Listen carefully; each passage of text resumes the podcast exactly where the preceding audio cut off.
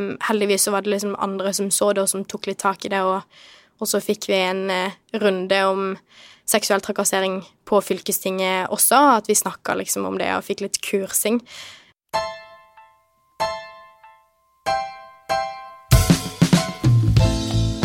Oda Sofie Pettersen, velkommen til det hun sa. Tusen takk. Monica Birkeland, du sitter sammen med her i studio. Og du, Oda, du bor jo egentlig i Oslo, mm. men så er du i Kristiansand i forbindelse med et politisk møte. Det stemmer. Og det passer jo kjempebra, for vi hadde så lyst til å ha deg inn. Du er både foreslått av andre, og vi har tenkt på det sjøl at du passer godt inn i konseptet vårt, mm. som faktisk er inne i sesong tre. Nå har vi hatt over 50 episoder. Og nå er det allerede mange spennende gjester som er booka for våren. Men vi trenger fortsatt flere gode tips. Vi har ledig plass, så det er bare å fortsette å sende inn eh, forslag til, til navn. Men eh, i dag skal vi konsentrere oss om det, Oda. De fleste kjenner deg nok fra eh, politikken. Mm. Du sitter på fylkestinget nå for MDG. Men kan ikke du fortelle litt om, om det, du, det, du, sa her før vi starta, med, med, hva du har lyst til å snakke om i dag? Mm det er jo liksom Jeg har vært veldig opptatt av å snakke frem politikken, spesielt for unge damer som meg sjøl, eh, lenge, for å inspirere og motivere de til å bli engasjert, som jeg ble sjøl ganske tidlig.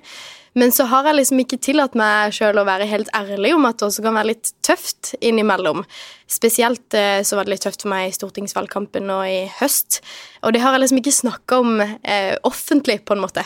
Eh, så jeg hadde litt lyst til å bruke anledninga til å til å snakke litt om det og tørre å være litt ærlig på hva som kan være litt vanskelig også når man er ung eh, dame som også har kanskje litt radikale klimamening,er eh, i politikken på Sørlandet. Men hvor gammel er du egentlig? Jeg har nettopp blitt 22, så jeg var 21 eh, i stortingsvalgkampen nå. Eh, og så var jeg jo 19 når jeg stilte til fylkestingsvalget.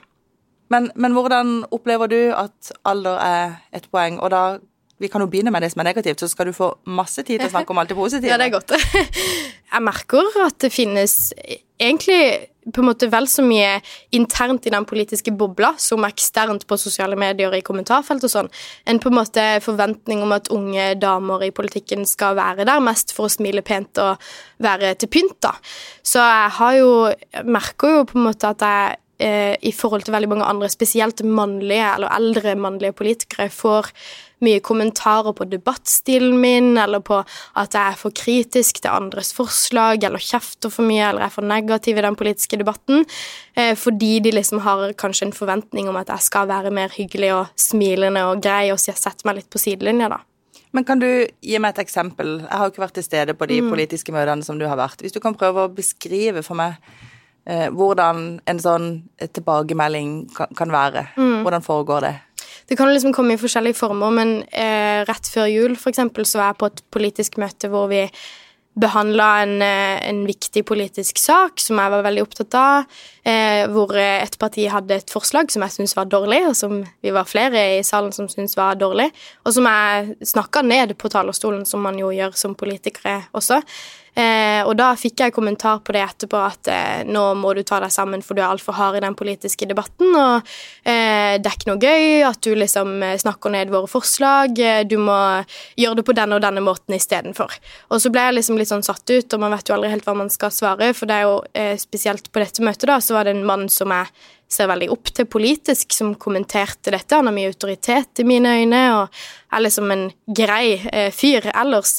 Eh, men så visste jeg liksom ikke helt hva jeg skulle svare, og snakka med min kollega i partiet mitt om det eh, etterpå, og da liksom begynte jeg å tenke sånn Sa han det til de andre mannlige politikerne som var med i den debatten og var vel så imot det forslaget som jeg var, eller som sa vel så radikale ting og negative ting som det jeg sa, og det spurte han om etterpå, og det gjorde han jo selvfølgelig ikke.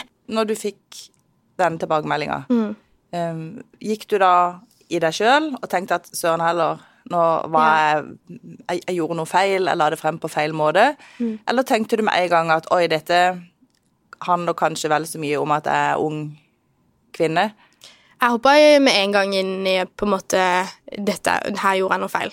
Og det er jo kanskje sånn For meg er det for, et skille da mellom de tilbakemeldingene jeg får fra folk i kommentarfeltene. De hadde lettere for meg å tenke at på en måte det er ikke relevant, og her går de rett på utseendet eller på hvem jeg ser ut som at jeg er, istedenfor hvem jeg egentlig er. Og det handler ikke om meg som person, men når det kommer fra folk jeg har respekt for, da, eh, som er inne i den politiske bobla sjøl, så tar jeg det nok mye mer personlig, og det gjorde jeg også spesielt akkurat det eksempelet der. Det gjorde jeg den gangen. Eh, men da snakka jeg med Birte, som er min eh, gruppeleder, som bare sa med en gang at det hadde de jo aldri sagt til meg eller til en mann, eksempel. Eh, og da, hun identifiserte noe annet mm, der enn det du gjorde ja. først? Og da ble jeg jo irritert når jeg skjønte det. Det er så meg sant, tenkte jeg bare. Og så sendte han mannen en melding og var litt sånn Ja, hadde du sagt det til andre menn eh, i den debatten, eller sa du det til andre menn? Og da svarte han egentlig ikke på meldinga i det hele tatt, og så måtte jeg jo bare til slutt legge det bak meg, for man skal jo samarbeide med disse folka også i seinere sammenhenger, så hva gjør du da når du får en sånn eh, kommentar? Jeg vet ikke om jeg har lært meg å håndtere det på best måte enda. Jeg blir lei meg eh, og på en måte har behov for å debrife med pappa eller med andre. Eh, eller med Birte, for den saks skyld. Eh, men jeg har prøvd å tørre å si fra også. Du, du sa at etter du hadde denne siste opplevelsen, så snakka du annet med din far. Ja. Eh, og hva, hva, sier en far til, til dattera si da, i en sånn situasjon som du kan bruke? Pappa er jo eh, veldig fin, for han er jo liksom mann på 50 sjøl. Men, eh, og kjenner seg kanskje litt igjen i at han også kan gå i noen fallgruver med kommentarene sine eh, selv. Men eh, han er jo opptatt av på en måte at jeg skal håndtere ting sånn at det eh, på en måte ikke blir verre for meg seinere. Og noen ganger så betyr jo det å tørre å si ifra, og andre ganger så betyr det også bare akseptere det og legge det bak seg. Så jeg har hatt mange sånne vurderinger med pappa. Skal jeg eh, si ifra om at dette ikke var greit, eller skal jeg eh, bare legge det bak meg og på en måte gå videre og glemme det og tenke at han mente det i beste mening, eller sa det i beste mening. Um, og det er litt forskjellig fra situasjon til situasjon, og der må jeg jo være litt egoistisk, føler jeg. For det beste hadde jo vært om man alltid turte å si ifra og på en måte hadde gått litt foran og brøyta litt vei for andre som kom etterpå, men det hadde gjort mitt politiske liv ganske vanskelig, da, hvis jeg alltid sa ifra, for da hadde jeg blitt Jeg er i hvert fall veldig redd for å bli en sånn negativ, eh, irriterende liten politiker som alltid skal på en måte eh, si ifra til alle store gutter, på en måte. Eh, ja. Det må være litt vanskelig det der å vurdere hvilke situasjoner skal du gripe fatt i, og hvilke skal du på en måte ja. rydde vekk. Hvordan, tenker du når du gjør de vurderingene der? Jeg syns det er veldig vanskelig. Eh, jeg tenker litt på mottakeren. Er det en person som hadde klart å ta det imot? Og hvis det er en person jeg opplever som at ikke hadde tatt imot i det hele tatt, så tør jeg bare ikke å si ifra. For da er jeg redd for at samarbeidet vårt blir ødelagt, eller at det skal bli kleint eller vanskelig å møtes igjen på politiske møter. Men hvis jeg føler at de kan ta det imot, så sier jeg ifra. Og hvis det er såpass liksom alvorlig at eh, jeg tenker at hvis ikke eh, jeg klarer å si fra, så må noen andre gjøre det, så delegerer jeg den oppgaven, på en måte, eller ber noen andre om å ta en prat med denne personen. Jeg kan kjenne igjen det der eh, med denne situasjonen hvor du veier for og imot. Mm. Er det verdt det? Liksom, skal jeg ta denne krigen, eller skal jeg bare blåse i det? Skal jeg heve meg over det, eller skal en gå rett på og si fra at vet du hva, det der var ikke ok. Mm. Det, det, er ikke så lett alltid å sortere de. Har det hendt du har blitt skuffa over at andre ikke har grepet inn? Mm. Jeg har nok opplevd at de eh, litt sånn på kanten-kommentarene jeg får, får jeg i en tomannssetting. At de tar meg til sides og sier det der. på en måte. Det er jo egentlig ganske feigt. Ja, jeg tenker òg det. Og det er jo et tegn på at de kanskje vet sjøl at det er litt på kanten. Um, så hvis det skjer i uh, offentlige møter, så uh, har jeg opplevd at folk tør å si ifra på vegne av meg sjøl. Eh, og det er fint. Det betyr jo mye at man gjør det, liksom. Men der det skjer på tomannshånd, så må man jo håndtere det sjøl på en eller annen måte. Og det er da det dilemmaet kommer inn. Og så er nok jeg også veldig redd for at jeg liksom overtenker situasjonen. At jeg bærer på frustrasjon om at jeg føler meg litt sånn klappa på hodet eh, i politiske sammenhenger, og at det eksploderer litt når de kommer med en på kanten-kommentar, da.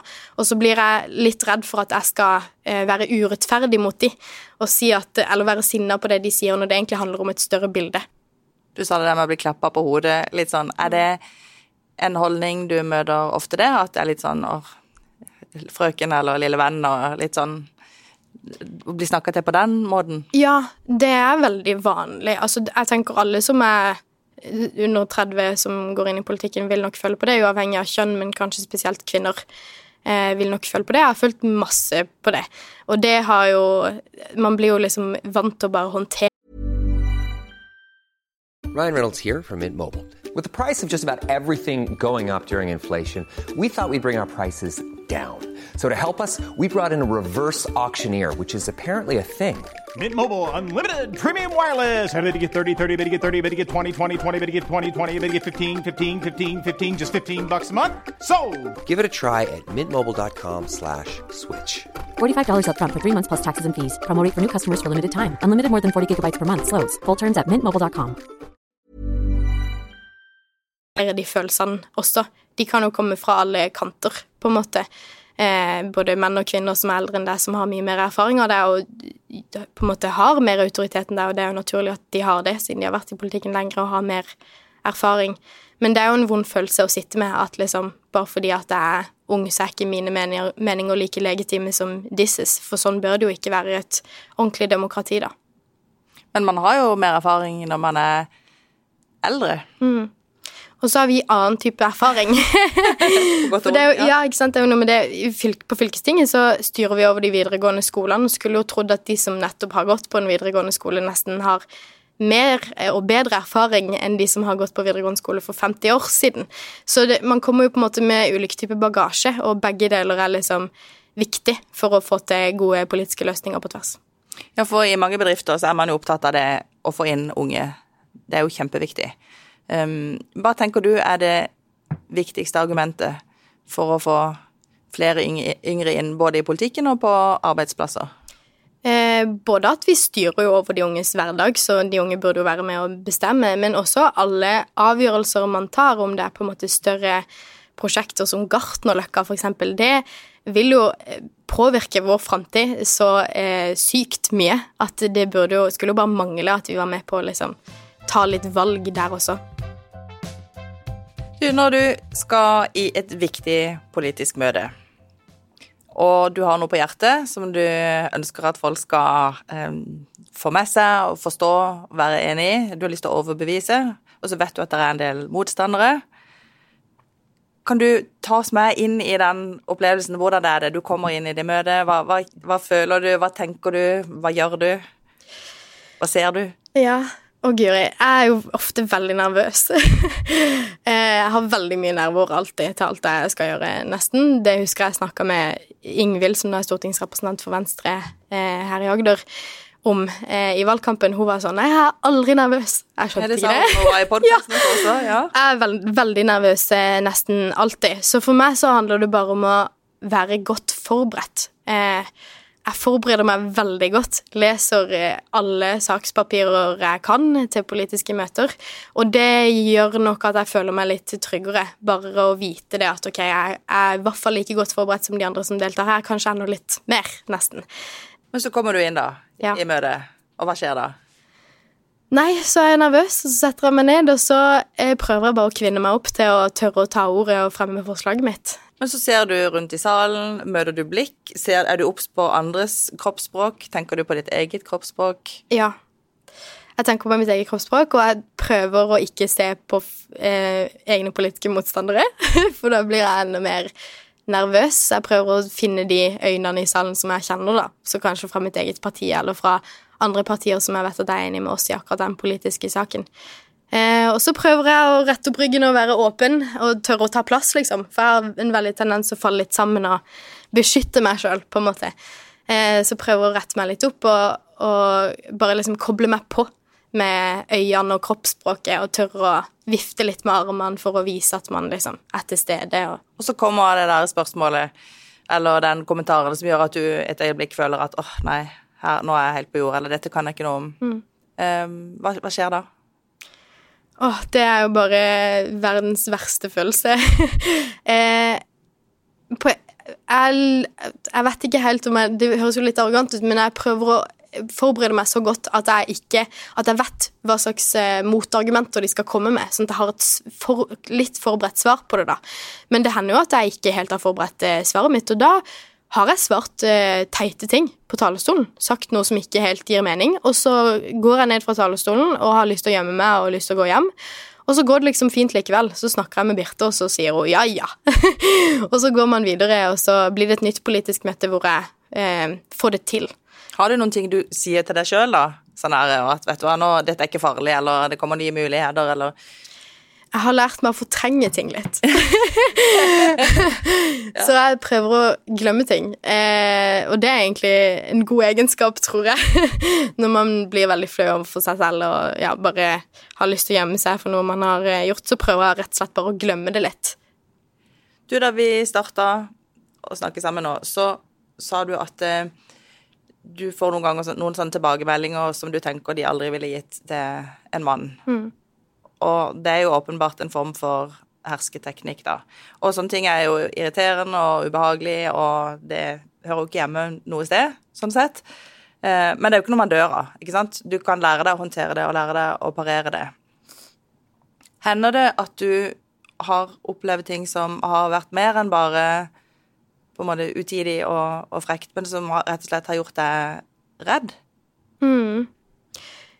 Ja, jeg har jo hatt litt sånn fysiske opplevelser også. Um, på mitt første fylkesting, da var jeg snart 19 år, altså jeg var 18 og et halvt år, og veldig nervøs for å delta. Uh, og det var eh, etter fylkestinget så Tidligere så har vi hatt uh, fri servering av alkohol og sånn på fylkestingene, som jo er egentlig litt rart, men da hadde vi fortsatt det. og det var på en måte en samling eh, på en bar. Eh, og da opplevde jeg liksom fysisk eh, på en måte å bli tatt på av menn eh, som jeg samarbeider med i fylkestinget dagen etter. Eh, det var en utrolig ukomfortabel opplevelse. Heldigvis så var det liksom andre som så det, og som tok litt tak i det, og, og så fikk vi en eh, runde om seksuell trakassering på fylkestinget også, at vi snakka liksom om det og fikk litt kursing. Eh, men det har jeg opplevd, og så har jeg opplevd å bli spytta på, faktisk, eh, etter en debatt. Og det også er sånn eh, Jeg blir nesten flau av å si det, men det, det føles jo bare helt forferdelig. Da føler man jo bare at man er søppel, liksom. Eh, og det var ikke akkurat motiverende for å fortsette å engasjere meg. Men så kommer man seg jo gjennom det, og så har jeg hørt mange andre som har hatt lignende opplevelser, og det er litt sånn fint å ha litt solidaritet i det, da, og vite at andre damer har opplevd det og verre ting eh, før meg. Um, og da vet jeg liksom ok, det har gått bra med de, det går bra med meg også. Um, men uh, det er jo synd at det skal være sånn enda i 2022, på en måte. Når du forteller meg om det at du har blitt spytta på, så blir jeg sjokkert, for det er jo helt forferdelig. Eh, Men jeg regner med at det ikke er av politiske motstandere. Det er jo noen som ikke har noen ting med politikken å gjøre, egentlig, eller? Ja, altså, de har jo noe med politikken å gjøre med at de har jo stemmerett. Ja. Men eh, eh, det var ikke en politisk motstander. Det var noen som hadde sett meg i en debatt hvor jeg ikke Det var en dårlig debatt for meg også. Jeg husker jeg ble flau og Men hvilken situasjon skjedde det i? Eh, Det var på en skoledebatt eh, vestover i fylket vårt. Eh, jeg var helt ny, hadde sittet i to skoledebatter i mitt liv, og skoledebatt er en ganske intens opplevelse, for det er mye hersketeknikker og mye på på kanten argumenter og personangrep og sånn. Og så er det jo buing fra salen er helt vanlig, ikke sant. Eh, og den debatten gjorde det Jeg husker jeg liksom følte at jeg treffer ikke med budskapet mitt. Eh, det var i distriktet, og jeg snakka om ulv. Eh, og så ble jeg bua på underveis og følte bare at det gikk verre og verre. Og så gikk jeg ut av debatten og så gikk rett mot badet for å grine. Jeg tenkte bare jeg må bare få ut disse følelsene, for jeg føler meg så dritt akkurat nå. Så ble jeg spytta på på vei ut. Um, så det var jo liksom såpass tidlig på en måte min politiske karriere, da, eller at det, jeg, jeg var litt sånn Skal jeg gidde mer å få gjøre dette? Ja, for det var min første tanke nå. Hvorfor Ja. orka du å gå videre? Ja, Eller eh, hvordan? Ja. Da, på kvelden, heldigvis, så fikk jeg masse meldinger fra de andre ungdomspolitikerne som bare sa at det var eh, helt sinnssykt, og at det skal man ikke takle, på en måte. Så du er rå, du må fortsette, eh, du må heve deg over det. Um, og så gjorde jeg det, og så har jeg fått så mange gode opplevelser siden som jeg kan på en måte bygge på. Det andre du beskrev, det må man jo kunne karakterisere som sånn Mm. Tafsing og seksuell trakassering. Mm. Er det noe, basert på den erfaringen du har, som man må forvente å, å, oppleve når man er kvinne i politikken. Alle er jo enige om at det er uakseptabelt, men skjer det allikevel? Og skjer det fortsatt? Jeg har jo bare hatt én opplevelse med det, heldigvis, og det var på en måte ikke Altså, det har vært Det finnes verre historier enn min, på en måte. Men når det blir alkohol involvert, så tror jeg at det er eh, lavere terskel for at det skjer. Um, da var vi også liksom Jeg var såpass ny at de kjente jo ikke meg og visste ikke at jeg eh, også var en person som turte å stå på talerstolen og fremme forslag. Jeg var liksom bare en tilfeldig person i fylkestinget, kanskje. Um, men ja, jeg vet ikke. Jeg håper jo ikke at det skal være sånn at det er noe man må forvente, og jeg, jeg eh, syns at eh, man må jo ta aktive grep også for å sørge for at det ikke blir det. Og derfor var det fint at vi som fylkesting hadde litt sånn eh, en prat da, om hva det innebærer med seksuell trakassering. Say hello to a new era of mental health care. Cerebral is here to help you achieve your mental wellness goals with professional therapy and medication management support. 100% online. You'll experience the all new Cerebral Way, an innovative approach to mental wellness designed around you. You'll get a personalized treatment plan from a therapist, prescriber, or both in a safe and judgment free space. Your cerebral therapist or prescriber will outline a customized plan with clear milestones along the way, so you can get to feeling your best. With Cerebral, you're not alone in your mental health journey. We're here to empower you to live a fulfilling life. So take that first step towards a brighter future and sign up today at cerebral.com slash podcast and use code ACAST to get 15% off your first month. Offer only valid on monthly plans. Other exclusions may apply. Offer ends July 31st, 2024. See site for details. Og hvordan vi skal sørge for at vi ikke gjør det, spesielt med så store aldersforskjeller i et fylkesting som det. Du, det er jo åpenbart at det med politikk og drive politikk er noe som engasjerer deg så mye, og som du syns er så gøy. Mm. At det er en følelse som er mye sterkere enn en følelsen for de negative tingene. ikke sant? Mm. Eh, kan du fortelle litt om den drivkraften du har for å drive med, med politikk? Ja, for det var jo det jeg sa litt dere i stad. Jeg er redd for at det skal høres ut som at det er forferdelig å drive med politikk, for det er jo aller, aller, aller mest eh, veldig gøy og engasjerende og motiverende, og det føles veldig viktig, eh, ikke minst. Så eh, jeg syns jo Altså, for meg har det egentlig ja, mest alltid bare vært gøy. Jeg merka det sånn etter stortingsvalgkampen, når jeg skulle bli student igjen, så var det jo det føltes så kjipt i forhold til å gjøre noe som er så viktig og engasjerende som det å være politisk aktiv. Man føler at man liksom har eh, ja, hånda på pulsen på samfunnet, på en måte, eh, og kan bestemme. Det er jo utrolig givende. Eh, og så er det jo også for meg, da, som drives av liksom en frykt for en krise vi står overfor, så er det så deilig å vite at jeg i hvert fall gjør mitt. At jeg på en måte ja, bruker tida mi på å endre på det jeg syns er feil, da. Du nevnte klimakrisa vi står mm. ovenfor, og det er jo ikke alltid det kommer så positive nyheter for dere som jobber spesielt med med klima. Eh, men hvordan klarer du å motivere deg og finne den eh, driven som du trenger for å fortsatt stå på? Mm. Jeg har tenkt mye på det. Eh, for spesielt etter FN-rapporten i sommer, sånn, så er det mange grunner til å på en måte grave seg ned og bli mest redd mer enn man blir motivert. Eh, og det er også, det tror jeg nok også er noe av det som på en måte driver meg. Men det som motiverer sånn fra møte til møte og politisk sak til politisk sak, er jo at jeg ser at det faktisk er mulig å gjøre noe med ting. Du, I din hverdag, hva er de viktigste grepene du gjør for å leve i tråd med, med politikken?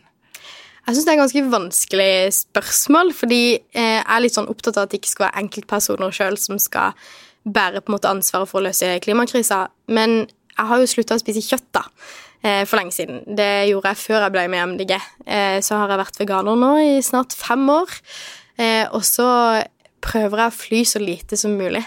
Um, og kjører så lite som mulig bil. Tar bare buss eller tog mellom Oslo og Kristiansand, eksempel. Selvfølgelig, skulle man nesten sagt. Og kjøper så mye som mulig brukt, og ikke så mye nytt. Du, nå studerer du. Mm. Um, hvilket, hvilken vei er det du har valgt? det? Jeg tar internasjonale studier på UiO. Og hvor er det du håper det vil ta deg hen sånn karrieremessig? Jeg har ikke peiling. Nei?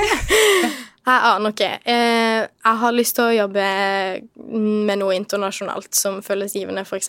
klimakrisa eller flyktningkrisa eller noe i den duren, men jeg vet rett og slett ikke ennå hva jeg har lyst til å bli. Men du har prøvd deg litt i arbeidslivet òg. Du hadde et år som var litt utenom det vanlige. Vil du fortelle om det? Når jeg var fisker? Ja. det er jo ikke uvanlig for meg. Jeg har jo vokst opp i en fiskerfamilie, så der er jo alle fiskere. Men jeg fikk lov til å jobbe litt med pappa når jeg hadde friår, og det var veldig gøy. Og også litt utfordrende. Det er jo et litt sånn tungt fysisk yrke, så uh, jeg ble kvalm også på sjøen. Og... Hvor var det der fiska, og hva fiska dere? Vi fiska både makrell og reker. Mm, så det er to forskjellige fisker, eller fiskerier. Makrell er jo liksom forskjellige fisker. Ja, det er det òg. ja. eh, makrell er jo nordover, eh, langs Lofoten f.eks., eh, mens reker er her utenfor Sørlandet. Um, begge deler er veldig gøy, men så var det jo veldig gøy å kjøre nordover og se all den fine naturen vår og sånn også. Hva lærte du av det året? Åh, masse. Eh, jeg lærte jo blant annet hvor ekstremt eh, tidkrevende og hardt det er å være fisker. det er et skikkelig tøft uh, yrke, um, men også veldig gøy. Det er jo liksom ganske sånn uh, på en måte Man setter tralen, og så får man enten fangst, eller så får man ikke det. Og når man får fangst, så er det jo sånn lykkerus å føle at man får til noe. Så det er sånn gøy, bare sånn spennende yrke å, å drive med. Kunne du tenke deg å drive med det igjen, tror du? Jeg tror nok ikke det. eh, dessverre, hvis pappa hører på. Men eh, eh, det var gøy å være innom det, og så tror jeg ikke at jeg, det er det jeg kommer til å bli. Nei. I politikken, da, har du noen ambisjoner der? Jeg må tenke litt, eh, har jeg sagt. Eh, det er jo snart nytt eh, lokalvalg, så kanskje stiller jeg til gjenvalg i fylkestinget. Det har jo vært veldig gøy. Og jeg prøvde jo liksom nå å tenke at etter stortingsvalget så tar jeg en liten pause og liksom blir student og sånn, og så var jo det helt umulig, for jeg syns det er så gøy. Eh, så jeg, jeg, klarer nok ikke å gå helt ut av politikken, men vi får se hvor mye tid det skal ta, da. Det er jeg litt usikker på. Vi har en fast post i det hun sa, der gjesten får lov til å fremsnakke en dame som er eller har vært viktig for dem. Enten noen de kjenner, eller bare noen de har blitt inspirert av. Mm. Hvem, hvem, vil du fremsnakke? Jeg har tenkt mye på dette på forhånd, for jeg føler vi har så mange bra damer på Sørlandet at det var litt vanskelig å velge. Men jeg har lyst til å jukse litt og si ei fra mitt eget parti, som jeg har vært innom tidligere i denne podkasten, og det er Birte Simonsen. Hun har vært folkevalgt i 50 år nå. Eh, hun var jo med på å stifte MDG i sin tid på 80-tallet. Og er gruppelederen min på fylkestinget, og hun har sagt at hun mest sannsynlig ikke skal stå på noen topplass i valget som kommer, og det syns jeg er veldig trist, for hun har vært ekstremt viktig for meg, og definitivt mange andre damer i partiet også. Hun er en sånn person som eh, er mest opptatt av å løfte andre, eh, og gi andre trygghet, liksom, til å tørre å ja, være Eh, ta plass. Um, så hun har vært veldig viktig for meg. Um, jeg syns det er trist hvis hun går ut, men heldigvis har vi henne i hvert fall i to år til, da. og nå fikk hun en god, en god fremsnakk. ja, det fortjente hun. ja, nå var vi jo inne på yrkes, da, men hvis du skulle gjort noe helt annet enn det du allerede holder på med i dag og studerer til nå, eh, hva kunne du tenke deg å gjøre og gå på jobb i, i morgen og gjøre? Jobbe på gamlehjem. Ja, Hva er det som gjør at du har lyst til det? Jeg er så glad i eldre mennesker, rett og slett. Jeg har ei farmor som eh, Vi er naboer hjemme på Langnes, og jeg har nesten egentlig vokst opp hos henne og bodde mye hos henne eh, i ungdomstida mi, da. Eh, og vi er veldig nære, og jeg bare elsker når hun får besøk, og jeg får sitte og snakke med eh, vennene hennes om gamle Altså om minner de har, og Nei syns bare det er utrolig givende. Jeg har også vært eh, besøk, jobba i besøkstjenesten i Røde, Røde Kors og besøkt eldre mennesker og syns det er utrolig koselig. Og så skjønner jeg jo at det å jobbe på gamlehjem innebærer mer enn å bare snakke med dem. Men eh, ja, det, det hadde vært det i så fall hvis jeg skulle valgt noe helt annet. Og du spurte faktisk farmora di litt om råd før du skulle være med i det hun sa. Ja. Kan du si hva du spurte om, og hva hun svarte? Ja, jeg snakker alltid med farmor om eh, ting jeg er nervøs for, og jeg sa at jeg var redd for å være for negativ eh, i podkasten i dag og snakke for mye om alt som er vanskelig med å være ung kvinne i politikken. Eh, og da sa hun at hun syntes det var litt bra at jeg turte å si det også, for hun har jo sett nært på at det har påvirka meg personlig. Eh, men så sa hun at jeg liksom bra at jeg tenker på andre også, for det skal jo være forhåpentligvis eh, motiverende å lytte til andre som er i politikken. Eh, så det håper jeg at jeg har klart. det hørtes ut som et veldig godt råd. Ja. Mm. Er det noe du er aller best i verden på? Nei, det tror jeg ikke. Men hva er du skikkelig god på, da? Eh, jeg har en del initiativ, så jeg er god til å få ting til og få ting gjort. når jeg har noe jeg har lyst til å få gjort. Mm. Er det noe du har gjort da som du angrer på, eller en tabbe som du gjerne skulle hatt gjort? Åh, masse, blant annet eh, den debatten på den skolen når jeg begynte å snakke om ulv. Og det var feil publikum. Eh, nei, jeg, det er masse jeg skammer over, mens jeg er heldigvis god til å fortrenge ting, da. Har du noe som du nerder ordentlig på? Eh, fjell. jeg har veldig lyst til å eh, gå på høye fjell i verden. Jeg drømmer om Kilimanjaro nå som første fjell, blant annet, og K2 og sånn.